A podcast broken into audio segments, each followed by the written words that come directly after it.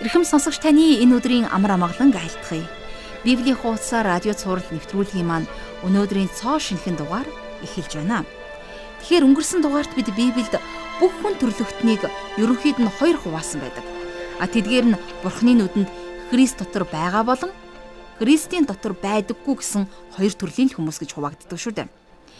Тэгэхээр Христ дотор байдаггүй хүн бол мэдээж сүнсээр дахин төрөөгүй буюу зөвхөн төрлөх зөнгөөрөө л удирдуулдаг хүмүүс. Ариун сүнсгүй ийм төрлийн хүн чөтгөрийн эрхшээл дотор махан бие болон дур хүсэлдээ боолчлогдсон нэгэн байдаг учраас Бурхныг түүний зөвхт ариун замыг ойлгож чадаагүй хүмүүс. Харин Христ дотор байдаг хүн бол сүнсээр дахин төрсөн оюун бодолтой зөвхөн Бурхны зүйлсийг бодож тунгаадаг төдийгүй. Түүний үгээр удирдуулан амьдрдаг болох тийм л хүмүүсийн ялгааг бид олж харж хамтдаа ярилцсан байгаа. Тэгэхээр энэ хэсэг бол бурхныг болон түүний үгийг үзэн ядагчдын зүрх сэтгэлийг ч гэсэн өдөөж өгсөн гэдэгт би итгэлтэй байна. Түүнчлэн бидний суралцсан нэг чухал зүйл бол бурхан итгэгч нарт хандаж итгэгч биш хүнтэй хамт нэг буулганд ор орох ёсгүй гэдэг талаар маш нухацтай хэлсэн хэсэг байсан. Өнөөдөр та компани, бизнес түншлэл, гэрлэлт, урт хугацааны компанид ажил гэх мэтлийн олон янзын арга замуудаар итгэгч биш хүнтэй нэг буулганд орох боломжтой нийгэмд амьдарч байна. Тэр тусмаа гэрлэлд хоёр хүнийг нэг буулгандоор насан туршид нь оруулдаг. Тэгвэл энэ зүйлсээс итгэгч хүн хол байх хэрэгтэй гэдгийг мөн хэрхэн итгэл нэгт хүмүүстэй нэгт холбоотой ажиллах талаар жаргал агш маань зааж сануулсан байгаа. Хэрвээ та Есүс Христэд итгэгч нэгэн бол Бурхан үргэлж таны эцэг гэдгийг санаж аваарай. Тэр тантай аав хүн шиг ярилцаж ойлголцохыг хүсэж байгаа. Яг л хүүтэйгээ харилцаж байгаа юм шиг тэгж харилцахыг хүсэж байгаа. Хэрвээ та дэлхийн зүйлстэй хутгалдаж хэлсэн шиг амьдрдгүй бол нэг л зүйлийг ойлгохыг хичээ. Энэ бол Бурхан таныг мөнхийн шийтгэлд оруулахгүй тулд өөр дээрээ авчрах болно гэдгийг. Ингээд хамтдаа өнөөдөр хичээлдээ орцгоё. Бид өнөөдөр 2 дугаар Коринт намын 7 дугаар бүлгийн эхний 16 ишлэлийг уншиж сурах болно. Ингээд эзнээс ариун сүнсний тослогоо түүний удирдамжийг хүсэж хамтдаа залбирцгаая. Бурхан аав минь Та биднийг төрсөн эсхээс минь лөө хайрлж, инэрч, санаа тавьдаг нэгэн. Их эзэн минь тиймээс амьдралд минь өгөгдсөн бүхий л зүйлсийн төлөө таньда талархан залбирч байна. Өдөр бүр тантай залбирлаараа уулзаж, дотоод өрөөндөө ярилцдаг байхад та биднийг сахилгажуулан төгөлдөржүүлж өгөөрэй. Аваа аюул эрсдлийг тооцож хэрсүү байхад та туслаарай. Таныг хүлээж аваагүй байгаа мянган мянган хүнд сайн мэдээ хүргэхэд та биднийг ашиглаарай. Эзэн минь ээ Таны үгнээс суралцж байхад та биднийг босгон байгуулж та хүчрхэгжүүлж өгөөрэй. Таны өмнө, таны сэнтийн өмнө, таны ариун сүнсэнд өнөөдрийн хичээлийг эхнээс нь дуустал танд өргөж, яригчийн ам хэл болон сонсогчийн зүрх сэтгэлийг, итгэлийг сонсох боломжуудыг танд өргөж, эзэн Есүс Христийн нэрээр залбирanгуйж байна. Амен. Ингээд хамтдаа жаргалах шиг хичээлд анхаарлаа хандуулцгаая. За бидний хамтдаа судалж байгаа Паулийн Коринтотынд бичсэн 2 дугаар загтлаар та үнэхээр ивэл өрөөл за дээрэс нь тайвширлыг авч байгаа хаа гэж би хувьдаа итгэн найдаж байна. Үнэн дээр бол 2 дугаар Коринтын загтал тэр чигээрээ Бурхны тайвширлын тухай. За өнөөдрийн ч гэсэн бидний хамтдаа үзэж байгаа 7 дугаар бүлэг болвол за тайвширлын талаар өгүүлдэг за сүүлчийн хэсэг байгаа юм. За 2 дугаар Коринтын 7 дугаар бүлэг дээр Паулийн зүрх сэтгэлд байгаа Бурхны тайвширлын тухай гарна. За эхлээд Коринт чуулганд бузар булаа завхайрлын нүгэл үлдсэн хүн байсан гэдгийг бид сурж авсан тийм ээ. За тэр хүн төрсөн эцгийнхээ ихнэр буюу за хойд ихтэйгээ завхаарсан байсан. За тэгсэн хэрнээ Коринтын чуулган энэ асуудлыг шийдвэрлэхгүй байгаа талаар Паул өөрийнхөө бичсэн ихний захианд тэднийг зэмлж тэр асуудлыг даруй шийдвэрлэх хэрэгтэй гэж хэлсэн байдаг. Харин одоо бол Паул тэднэрлөө хоёр дахь захиагаа бичиж байна.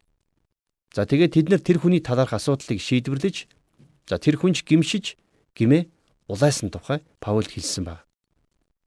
Чуулган тэр хүний талаарх асуудалд маш нарийн ягт хандсан нь за Паулийн захиа маш хүчтэй нөлөө үзүүлсэн гэдгийг батлан харуулж байдаг. За ингэснээр тэр хүн нүглэнсийн гимшиж гимээсээ эргэсэн тухай захиаг Паулд Тит аваач өгсөн бололтой. За өнөөдөр харин хамтдаа 2 дугаар Коринт номынхон 7 дугаар бүлгийн 1 дугаар ишлэлээс эхлэн уншъя. Хайртууд минь эдгээр амлалт байгаа тул бид өөрсдийгөө махбодын ба сүнсний бүхэл бохроос цэвэрлэе. Ингэхдээ Бурханаас имэж ариун чанарыг төгс болгоё. За Паул энд яг ямар амлалтын тухай ярьж байгаа юм бэ гэхлээр 6 дугаар бүлгийн төгсгөл хэсэгт бичигдсэн тэр амлалтын талаар ярьж байгаа. За юу байсан гэхлээр зэрэг хэрвээ бид нар бурханд дуулууртай байх юм бол тэр бидний жинхэнэ эцэг болж бид түүний жинхэнэ хөвгүүд охид болох болно гэсэн амлалт. Энэ нь хэрвээ бид нар дэлхийлэг зүйлсээс тусгаар байхгүй бол бидний аврал алдагдана гэсэн үг биш. Харин хэрвээ бид нар цэвэр амьдралаар амьдрахгүй бол бурхан бидэнтэй аав шиг минь харьцаж чадахгүй гэсэн үг юм. Тэгэхээр Өнгөрсөн хичээлийнхэн төгсгөлд би аав хүү хоёрын нэгэн харилцааны талаар танд ярьж байсан тийм ээ. Тэр хүн би хүүтэйгээ эцэг хүн хүүтэйгээ харьцаж байгаа юм шиг харьцаж чадахгүй байна гэж хэлж байсан. Яагад үг гэхээр хүүн ааваасаа хөндийрсэн байсан. Хүүн аавда дургуутдаг болохоор би үнэндээ аав нь байж чадахгүй байна гэж тэр хүн надад хуучилж байсан. Тэгэхээр тэр хүн хүүгийн эцэг нь байсан ч гэсэн хүүтэйгээ эцэг хүн шиг харьцах боломжгүй болсон байна. За тэгвэл яг энэнтэй адилхан. Бурхан та бидэнтэй яг л бидний аав шиг харилцахыг хүсдэг. За маш олон хүн гайхамшигтай сайхан аавын жишээг мэддгүү л дээ. Яагад гэвэл хинч бурханд бидний эцэг байх боломжийг өгдөггүй. Харин энийг өөрчлөхийн тулд та бид нэр юу хийж болох вэ? За Паул энэ талаар хэлэхдээ эдгээр амлалтууд байгаа учраас бид өөрсдийгөө цэвэрлэе гэж хэлсэн байна. За тэгвэл дараагийн асуудал эндээс урган гарч ирж байна. Бид нэр яаж өөрсдийгөө цэвэрлэх юм бэ гэж.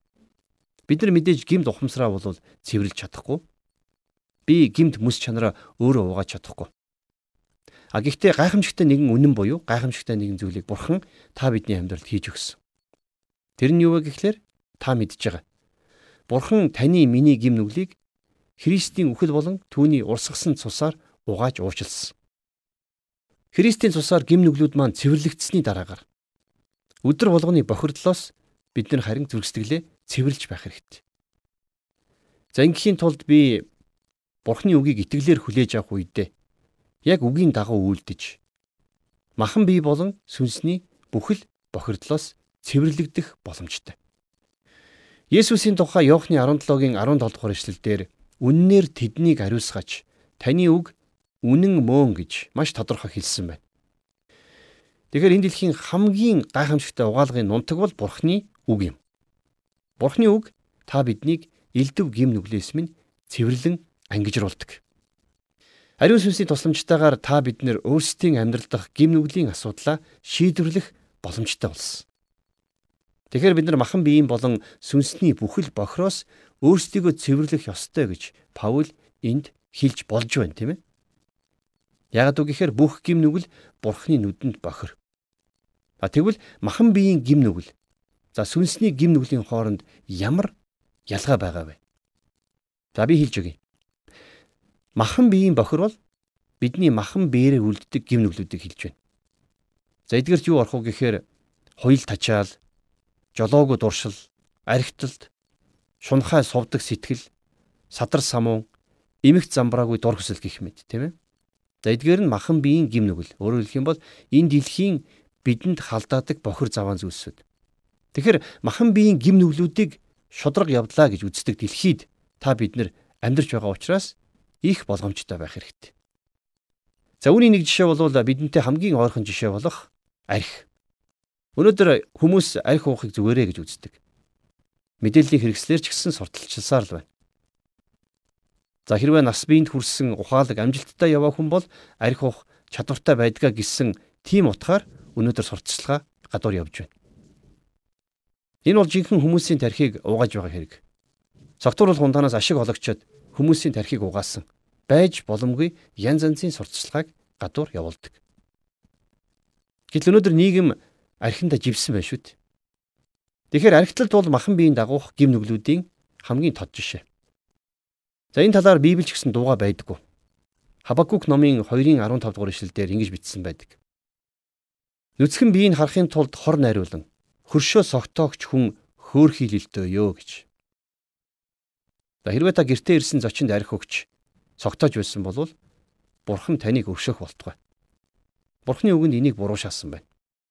Тэгэхээр махан биеийн дагуух бохир зүйлсийн нэг жишээ гэвэл хүний бие болон бэлгийн харилцааг алдаршуулсан хамгийн бузар бол садар самууныг агуулсан ном зохиол, кино, дүрс бичлэг. Тэгэхээр бүх зүйлийг байгаагаар нь хүлээн зөвшөөрчдөг энэ нийгэмдэр Бурхны үг махан биеийн дагуух гим нүглүүдийг буруу шаасаар л байдаг. Хэрвээ та Христэд итгэгч хүн хэрнээ эдгээрийг өөгшүүлж даган дуурайж байх юм бол Бурхан тантай эцэг хүн хүүтэйгээ харьцаж байгаа мэд харилцах боломжгүй болно.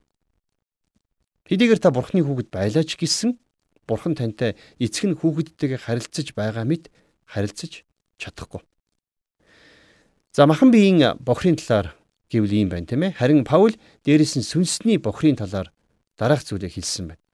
Тэгэхээр сүнсний дагуух гим нүгэл гэж яг юу вэ? Ховжив энд орох уу? Христ итгэгч ахын дүүсээ муулж ховжив ярих нь энэнд орох уу гэж зарим хүмүүс асуудаг. Тэгэхээр бид нэр буу аваад буудахгүй ч гэсэн хүний араар хов ярим муулж ар нуруу руу нь хутаг дүрдэг хүмүүс. Чуулганы зарим ариун хүмүүс ийм зүйлийг хийсээр л. Ихэрхүү зан, бардам зан зэрэг сүнсний нууц гим нүглүүд гэж байгаа. Тэгэхээр бардам зан, их зан, за үл итгэх байдал, сувдаг шуналтай байна гэдэг энэ бүхэн бол сүнсний гим нүглүүдэд тооцогддог. Юу вэ гэхлээр өнөөдөр итгэдэг хэрнээ маш олон хүмүүс болохгүй гэсэн дүрмээр тоглож байна. Арх хууж болохгүй, тамхи татж болохгүй, мөрөөдө тоглож болохгүй гэх мэт.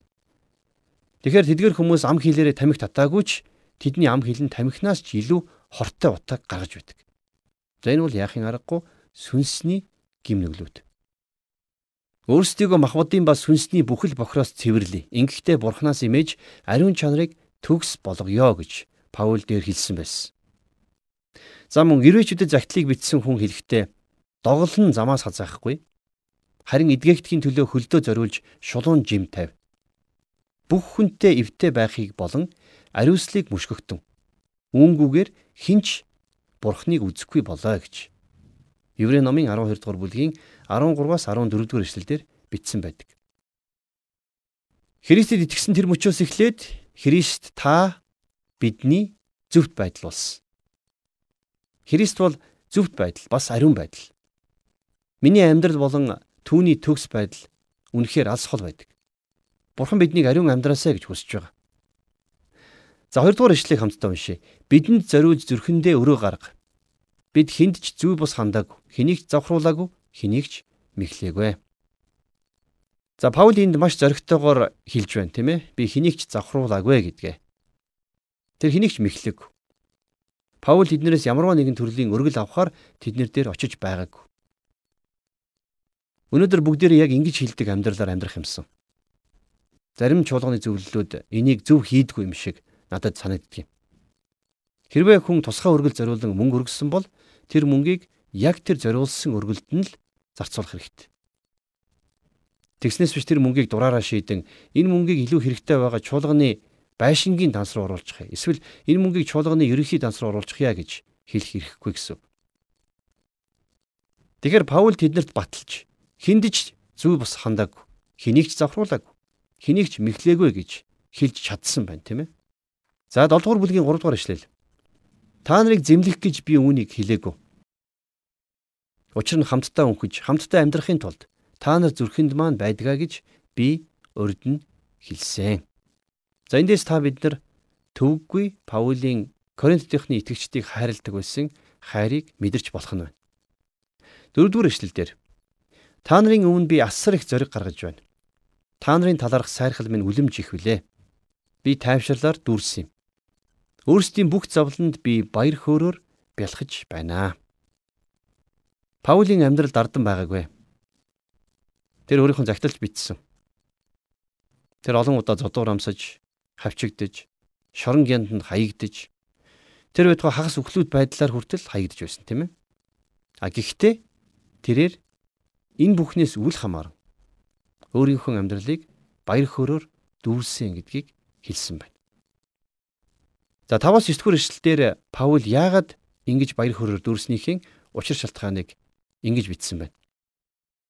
Бид Македонд очисон ч бие махбод маань амарсангүй. Харин бид тал бүрээр шаналн зовж гаднаа тэмцэлтэй дотроо айцтай байв. Гэвч Тит ирснээр дордыг тайвшруулагч бурхан биднийг тайвшруулав. Зөвхөн түүний ирснээр ч бус мөн та нараас болж тайвширсан түүний тайвширлаар юм.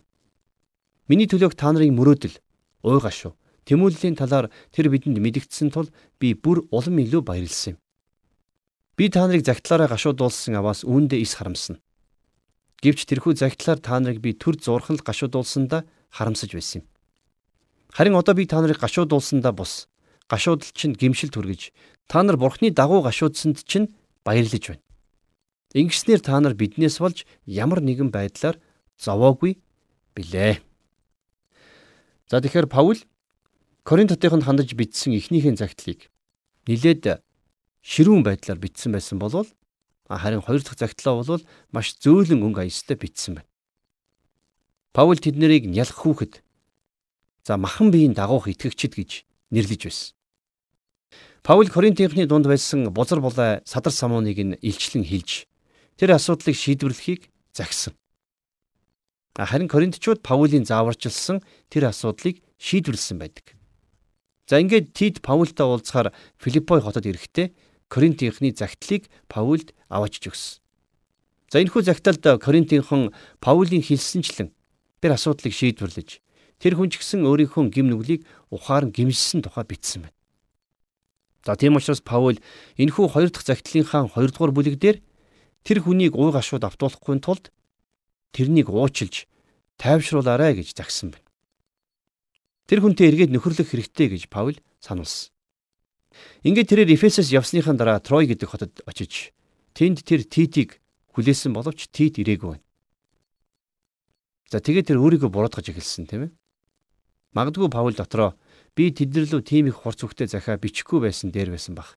Эсвэл би тэднэр дээр шууд яваад очдөг байжээ гэж бодсон баг. Харин Паулийг Филиппо хотод очисныхын дараагаар Тит тэнд очиж Коринтынхны загтлыг Паулд өгсөн.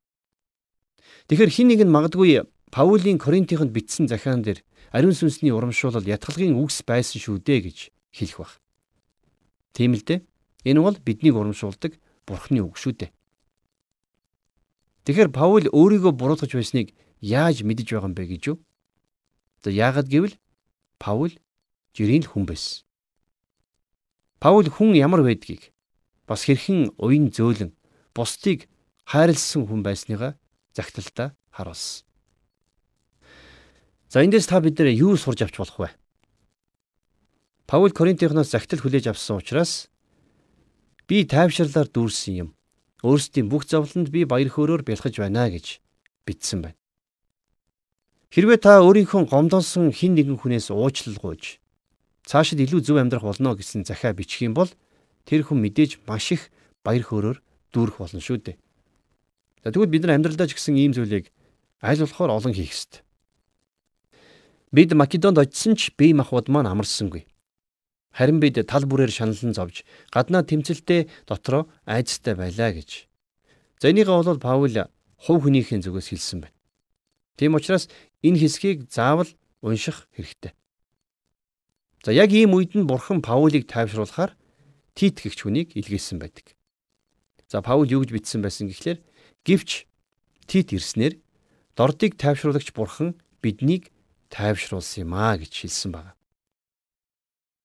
За тэгэхээр та зарим бурхны хүмүүс тусалж тэднийг тайвшруулах, тайвшруулал нь болох боломжтой. За би тэгвэл танаас асууя. Та хамгийн сүлд хизээ өөрийнхөө удирдахч манлайлагч дээр очиод түүний мөрөн дээр гараад тавиад би таны төлөө залбирч байгаа шүү. Би таныг бурхны ажлыг хичээнгүйлэн хийж байгааг хардаг. Би тантай үргэлж хамт байгаа гэдгийг та мэдээсэй гэж би танд энийг хэлсэн юм аа гэж хэлсэн бэ. Таныг удирдах байгаа удирдагч хүн энэ үгийгт нь сонсоод маш их урамшин зоригч болно. За Паул үргэлжлүүлээд зөвхөн түүний ирснээр ч бус мөн та нараас болж тайвширсан түүний тайвширлаар юм.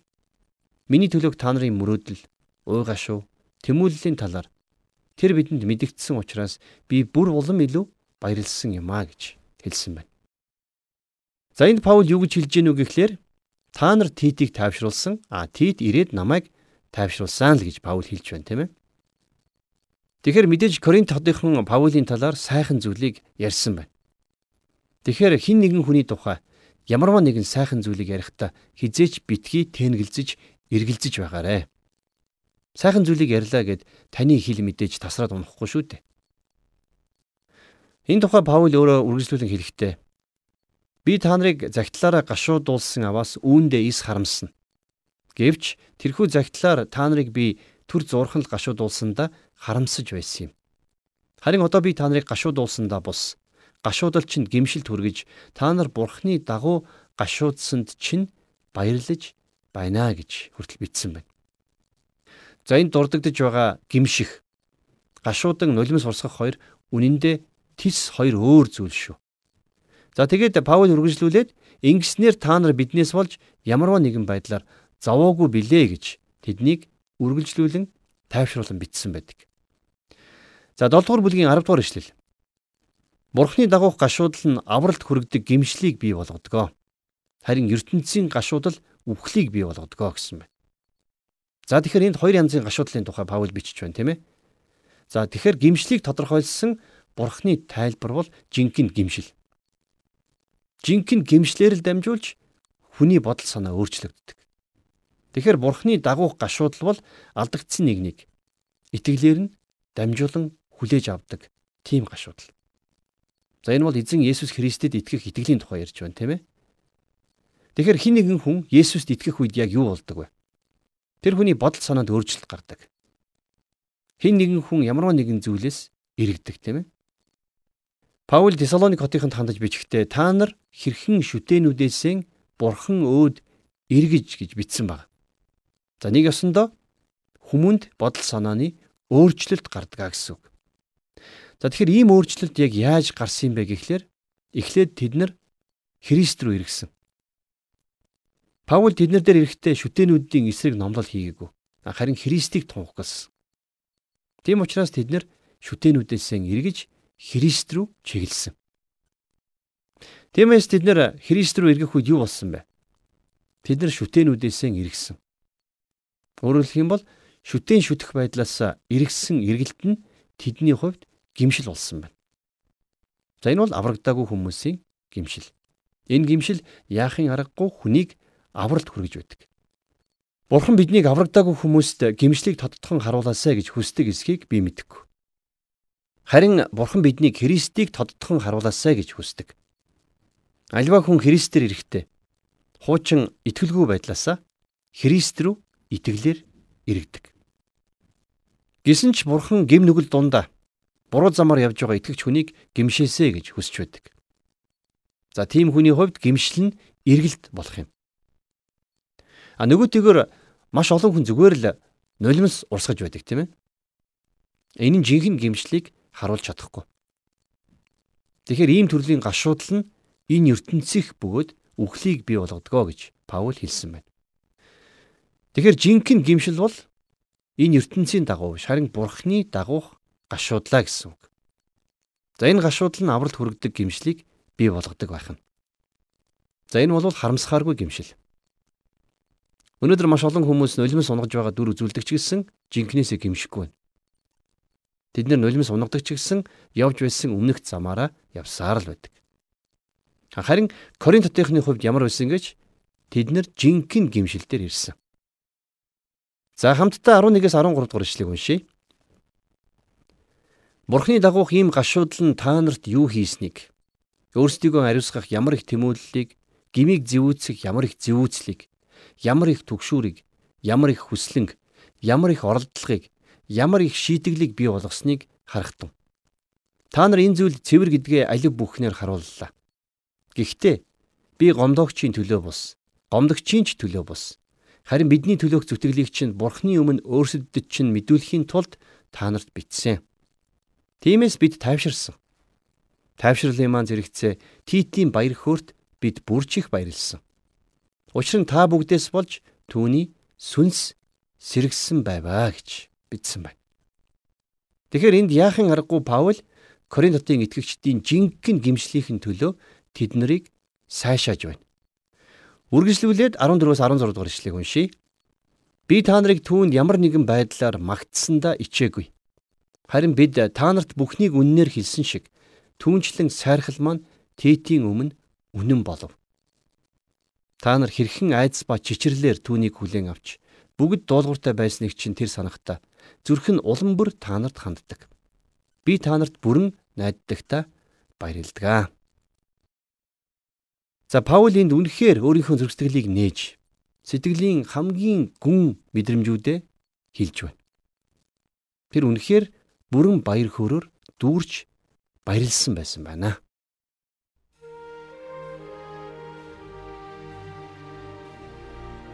Тэгэхээр өнөөдрийн хичээлээр бид бие махбодын болон сүнсний бохирдол гэж юу болохыг амун жинхэнэ гимшил гэж ямар байх ёстой талаар үзлээ.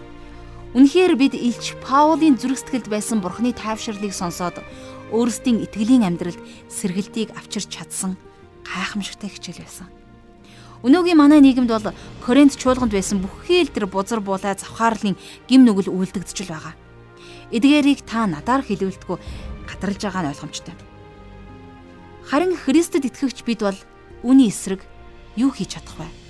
Магадгүй танд өчүүхэн юм шиг санагдчихэж болох ч гэсэн Бурхны төлөөх чимхийн төдий чин сэтгэлийн итгэл сэтгэл байхад бүх зүйл боломжтой байх болно. Яг л Есүсийн сургаалт үлгэр дээр гардаг тэр гिचийн төдий итгэл. Ягаад тэгэхээр таны зүрх сэтгэлийг зөвхөн Бурхан л мэдж байгаа. Тийм учраас бүгдээрээ түүний загсанчлан тууштай бөгөөд зоригтой байж эзний цэвэр ариун байдлыг байгаа газар дээрээ гэрчилж тунхаглаж амьдарцгаая. Бурхны дотор үр жимстэй амьдрсан амьдрал итгэл болгон тун утгагүй сайн цагийг авчирч чадна гэдэгт би хувьдаа итгэж байна. Мөн ирээдүгээ өрөөж байна. Мөн өнөөдөр сурсан нэг онцлог чухал хэсэг бол Бурхны үгэнд дуулууртай байх үед л тэр бидэнд жинхэнэ эцэг болж бид түүний жинхэнэ охид хөвгүүд болдог тухай гэсэн хэсэг байсан. Энд итгэгч хүн өөртөө зайшгүй анхаарах ёстой нэг чухал зүйлийг та анзаарсан баг. Энэ нь Хэрвээ та цэвэр амьдралаар амьдрахгүй бол Бурхан бидэнтэй аав шиг харилцаж чадахгүй гэсэн үг байсан. Тийм ээ Бурхан эцэг маань бидэнтэй төрүүлсэн аав шиг маань харилцахыг хүсдэг. Харин бид түүнд эцэг байх тэр боломжийг нь өгдөг. Магадгүй бид өөрсдийнхөө сонголтоор бид өөрсдийнхөө оюун бодолдох шийдвэрээр үйлдэлээр магадгүй хандлагаараа. Тэгэхээр өнөөдөр та эдгээр хичээлүүдээс юу таны зүрх сэтгэлийг сийчих мэд хүндсэн бэ? Ариун сүнс танд юуг маш сайн, маш тод томруунаар илчлэн харуулсан бэ? Тэрэл зүйлсийнхаа төлөө хамтдаа эзний өмнө залбирлаараа очиж асууцгаая. Хайртай бурхан аав минь, таны хүчрхэг нэрийг дуудаж бид амар тайвныг олж авдаг. Тиймээс ам амьдралд нь бий болдог тайвшрал, тайтгарал болгоны төлөө таньда талархъя аваа. Таны хүү эзэн Есүс Христ бидний эзний нэр ариунаар дурсагдах болтугай. Өнөөдөр үтсэн хичээлийнхээ дагуу бид аливаа бие махбодын болон сүнсний тэр бохирдлоос цэвэрлэгдэж, цэвэр ариун амьдралаар амьдрахад та удирдах өгөөрэй. Хэрвээ бидэнд ямар нэгэн гин буруу байгаа бол их эзэн минь яг энэ цаг мөчид бид гимшин залбирч байна.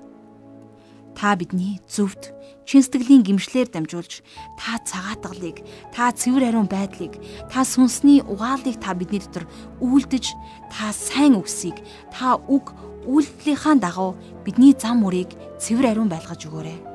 Бид таньда талархаж байна. Бидний өдөр хоногуд амьдрал хандлагаар дамжуулан таны нэр алдраш болтугай. Тань талархаж эзэн Есүс Христийн нэрээр залбирanгуйч байна. Амен.